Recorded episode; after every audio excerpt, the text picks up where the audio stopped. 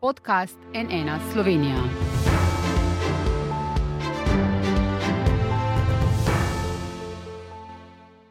Dobr dan. Zgodaj zjutraj po našem času je ruski predsednik Putin sporočil, da začenja vojaško operacijo v Ukrajini. Okoli petih so se začele vrstiti prve eksplozije, uglasile so se sirene, začela se je vojna, hitro so prišla poročila o prvih smrtnih žrtvah. To je NN studio, ki bo danes z vami večkrat. V studiu z vsemi relevantnimi gosti, odločevalci in strokovnjaki, tudi z javljanji novinarke NN, ki je v Ukrajini. Naš prvi gost pa je profesor Vladimir Prebilič, profesor na katedri za obramboslovje na Ljubljanski fakulteti za družbene vede. Dobr dan. Dobr dan. Profesor Prebilič, gre za precej obsežen napad. Kako veliko presenečenje je to? Dejansko gre za, po mojem mnenju, veliko presenečenje, presenečenje tako za posameznike, kot za države in organizacije. Nekako smo bili prepričani do tega trenutka, da je vojna oziroma reševanje konfliktov z vojno zgodovinska zgodba, da je to stvar vojaške zgodovine, ampak očitno temu ni tako. Hujše, ki pa, po mojem, boli marsikaterega odločevalca v Evropi, pa je dejstvo, da predsednik Putin seveda ni držal besede. Reč, do zadnjega je bilo zatrjevano, da federacija s silo ne bo posegala v območja interesa, se pravi, govorimo o regiji Donbass, da se poskuša na vsak način po diplomatski poti nekako rešiti to vprašanje. Zdaj pa se zdi, da je vsta čas pravzaprav Ruska federacija koristila samo zato, da je čim bolje in čim koordinirano pripravila načrt oziroma izvedbo akcij, ki se zdaj priča. Eh, najhujše, kadarkoli se zgodi kaj takšnega, je ravno izguba zaupanja. Namreč, kako zaupati sedaj za naprej, ko ali pa če bomo podvodili te. Namreč, težko bo verjeti, da bodo od zdaj naprej pa besede, ki bodo dane, tudi veljale. In tukaj mislim, da je storjena ogromna škoda, ki jo bo zelo težko popraviti, oziroma je edino možno, da bi se lahko kaj popravilo to, da seveda najprej sledijo dejanja in šele potem obljube in besede. Kaj vemo o vojaških operacijah, ki trenutno potekajo, kaj pravzaprav gledamo? Ja, gledamo dejansko, po domače povedano, upad oziroma vojaško intervencijo z klasičnimi vojnimi sredstvi. Jaz sem bil celo prepričan, da do tega absolutno ne bo prišlo, torej da bi ruska vojska se angažirala do te mere. Jaz sem bil prepričan, da če bi do česa takega prišlo posredno, bi lahko govorili o proksi vojni, torej ne z direktno vojaško močjo neke države, ampak s podporo nekaterim drugim, recimo upornikom v tej regiji, kar smo bili priča tudi v preteklosti, ampak tokrat seveda temu ni tako. Gre za vojaško posredovanje, kjer direktno in po domače brezsramno Ruska federacija uporablja vojaško moč za doseganje teritorijalnih in pa političnih ciljev. Kot sem rekel, to je absolutno nedopustno v mednarodnem pravu, je stvar jasna. Vsakršno posredovanje na teritorij neke druge suverene države in to seveda Ukrajina je, čeprav predsednik Putin trdi, da Ukrajine pravzaprav ni, seveda bi je nedopustno, se pravi, je pravno nemogoče oziroma se ne bi smelo dogajati in je obsojanja vredno.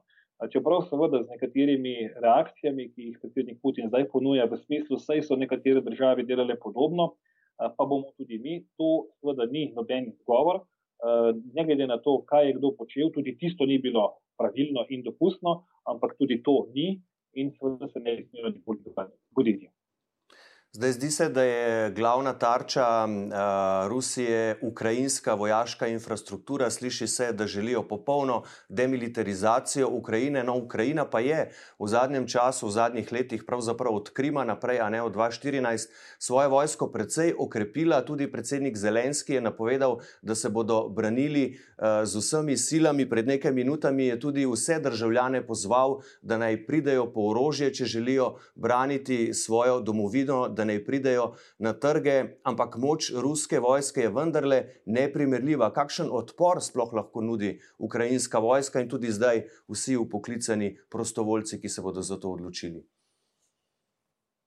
No, kadar se pogovarjamo o konfliktu, katerega sedaj gledamo, gledamo pravzaprav spopad Davida in Golijata. Namreč Ruska federacija je v, v povprečju, tako zelo poenostavljeno povedal, desetkrat močnejša v vseh komponentah, v nekaterih še bistveno bolj. Eh, pomembno, kar je potrebno razumeti, je, da ni samo število vojakov tisto, s katerimi lahko braniš državo. Seveda, to je pomemben faktor, absolutno, da ne gre podcenjevati, ampak še bolj je potrebno se vprašati, s čim in Eh, s kakšnimi sredstvi lahko te akcije izvajam. Torej, kako kvalitetna je takšna vojska, kako izurjena je takšna vojska in seveda, kaj ima na razpolago za izvajanje operacij. Eh, ruska stran seveda je v tem pogledu absolutno uh, bistveno, bistveno močnejša, mogoče nekaj številk. Ruski oklepne vojska, oziroma oklepni del njihove vojske, je najmočnejši na svetu. Rusija je v letalskem pogledu druga največja sila na svetu. Rusija je po uh, mornariškem uh, preštevanju druga največja sila na svetu in po nuklearnem arsenalu največja sila na svetu. Se pravi, uh, to so številke, ki so izjemno uh, velike in uh, res je, težko bo se zoprstaviti taki moči.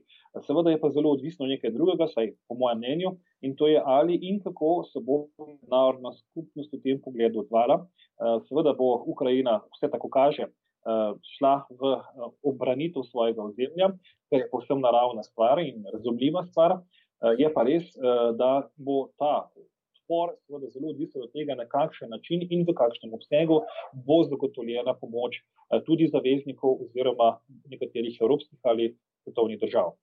Ja, ravno to je moje naslednje vprašanje. Članice NATO, Poljska, Estonija, Latvija in Litva so sprožile posvetovanja, ki jih predvideva četrti člen NATO-ve pogodbe. Kaj to pomeni? Ja, eh, ta člen govori o tem, da kadar pride do tako izjemnih okoliščin, v katerih smo priča, in eh, te okoliščine lahko pomembno vplivajo na varnost katerekoli izmed držav članic, se najprej opravi posvetovanje.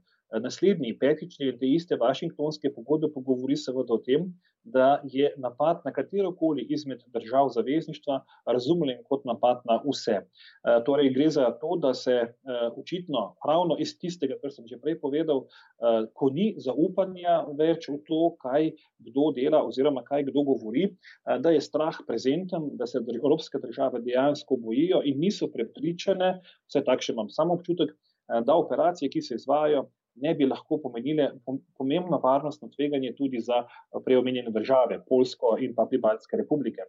Torej, tukaj definitivno je neko nezaupanje, je strah, eh, seveda je pa trebno takoj ugotoviti, da posvetovanje samo po sebi še ne pomeni tudi kakršni koli vojaški operaciji. In ponovno moram počrpati, Ukrajina ni članica NATO, kar pomeni, da pogodba eh, Severnoatlantskega zavezništva ne predvideva neposrednega angažiranja zavezništva za podporo ali Eh, pomoč v obrambi Ukrajine v takem primeru.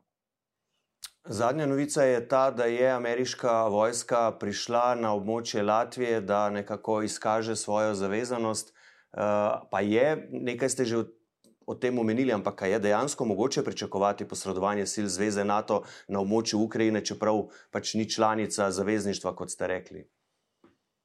Eh, pravne podlage za kaj takšnega ni. Torej, eh, zavezništvo kot zavezništvo se v tem pogledu ne more aktivirati, lahko pa se, ukolikor se tako odločijo posamezne države, one odločijo za takšno ali drugačno posredno ali neposredno pomoč Ukrajini v situaciji, v kateri se nahaja.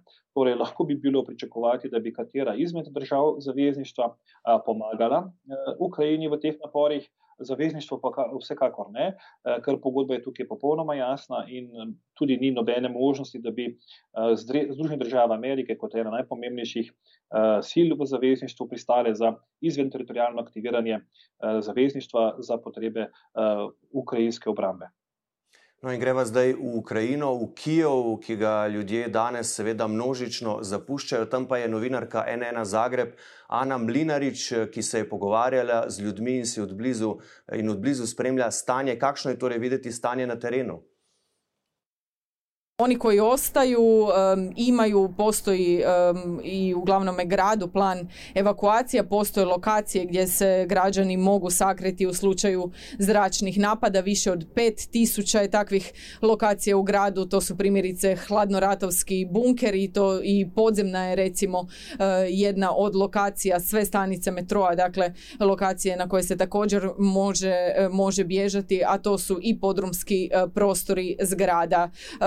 Ipak razgovarala sam sa Kijevljanima, neki kažu da zapravo u tim prostorima nema dovoljno mjesta. Razgovarala sam sa jednim uh, stanovnikom Kijeva koji kaže da u njihov podrum stane nekoliko desetaka ljudi, a u zgradi im živi nekoliko, nekoliko stotina. Građani se pripremaju na najgore scenarije, oni koji ostaju ili onda traže i planiraju što će u slučaju e, jačih napada i napada na sam e, centar grada. E, drugi pak ovu situaciju, u ovoj situaciji dodatno im se probudilo domoljublje i brojni građani proteklih dana prijavljivali su se u dragovoljnu vojsku. Slišala sva profesor Vladimir Prebelič, ne, kako so se odzvali državljani, ampak vprašanje je zdaj, ali sploh obstaja pot nazaj in kakšna je? Pot nazaj je silno, silno težka. Jaz vedno pravim, ko se začne nek vojaški konflikt, se po v narekovajih požgejo mostovi za nazaj in tudi tukaj bo pod nekaj podobnega. Seveda najprej in karkoli že se lahko zgodi, je predpogoj ustavitev absolutno napadanje se strani. Torej, pogovor bo in je mogoč potem, ko dosežemo najprej primerje in ko se začnemo pogovarjati o tem, da se sile Ruske federacije, ki so vstopile v prostor Ukrajine, kot so obrene države, začnejo omikati. To je po mojem predpogoj, seveda vprašanje pa je, ali in če sploh je pripravljen predsednik Putin na takšne predpogoje sprejeti. Eh, res je, da eh, so se številni že odzvali v Ukrajini v smislu, Eh, samo organiziranja in pa organiziranja obrambe. Eh, ta element vsekakor ne gre podcenjevati. Ukrajina ni eh, mehna država, govoriva o državi preko 40 milijonov prebivalcev, torej je potencial mobilizacije zelo velik, vendar naj se vrnemo sam začetek. Spopad se bo vodil z vele silo, ki seveda ima drugačno tehniko in možnosti, s katerimi lahko deluje stran. Tako da tudi, če se zgodi ta mobilizacija, tudi, če se zgodi obramba, bo potrebno računati na neenakopravno kovanja, kar bo definitivno, vsaj v začetku, lahko za Ukrajino veliki izziv.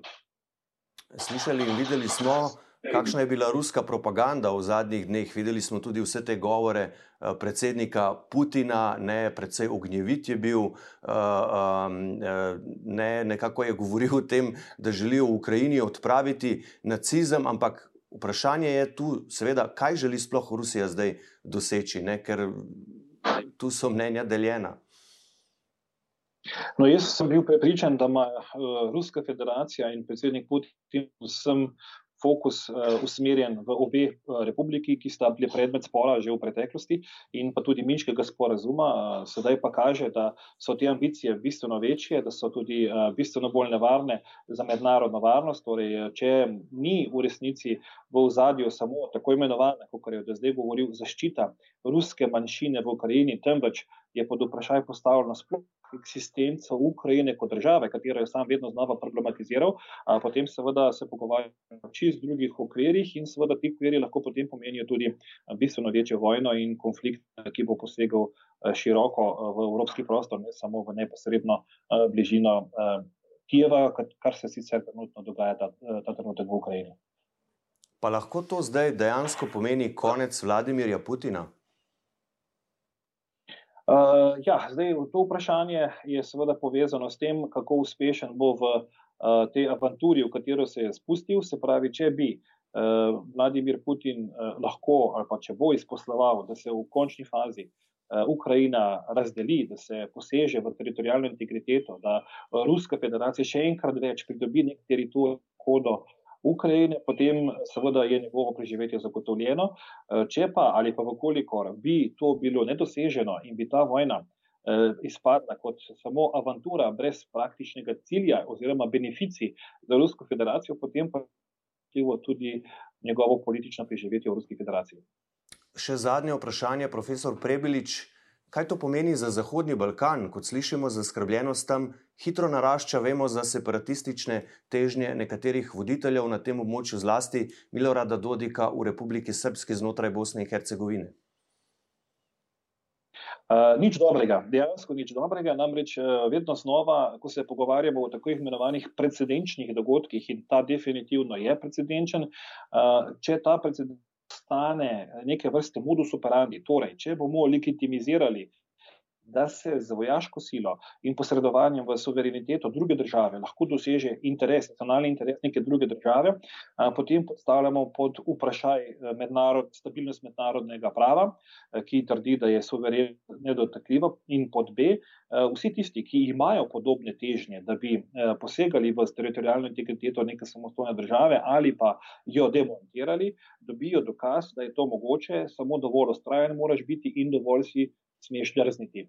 Če bo ta zadeva imela tako zven, potem se zelo strinjam z vami, je vprašanje Zahodnega Balkana še kako aktualno in to definitivno bo tudi imelo varnostne implikacije tudi na recimo temu jugovzhodno Evropo širše in pa Zahodni Balkan v celoti. In samo želim si, da bi ne kaj takšnega poskušali druge, ker mislim, da nišče ta trenutek ni pripravljen na izzive, ki ste jih omenili, torej na destabilizacijo Bosne in Hercegovine v primeru demontaže lete oziroma nadaljevanju korakov k samostojnosti Republike Srpske, trenutno še v znotraj Bosne in Hercegovine. Doktor Vladimir Prebilič, najlepša hvala za vaše odgovore. Hvala, da ste bili gost na NN in lepo zdrav v Italijo. Srečno tudi vam. Hvala pa vam za zdaj, za vašo pozornost. Seveda z NN študijem danes nadaljujemo. V kratkem tu pričakujemo tudi eh, nekatere ministre slovenske vlade, spremljamo vse odzive, spremljamo trenutno dogajanje v Ukrajini in eh, seveda se bomo še oglašali iz studija, tudi pogovarjali se bomo z Ukrajincem, eh, ki tam živi in seveda večkrat se bo še oglasila novinarka NN Zagreb, Ana Mlinarič ki za zdaj ostaja v Kijevu. Torej, spremljajte nas na nnainfo.si iz studija, pa za zdaj lep pozdrav in nasvidenje.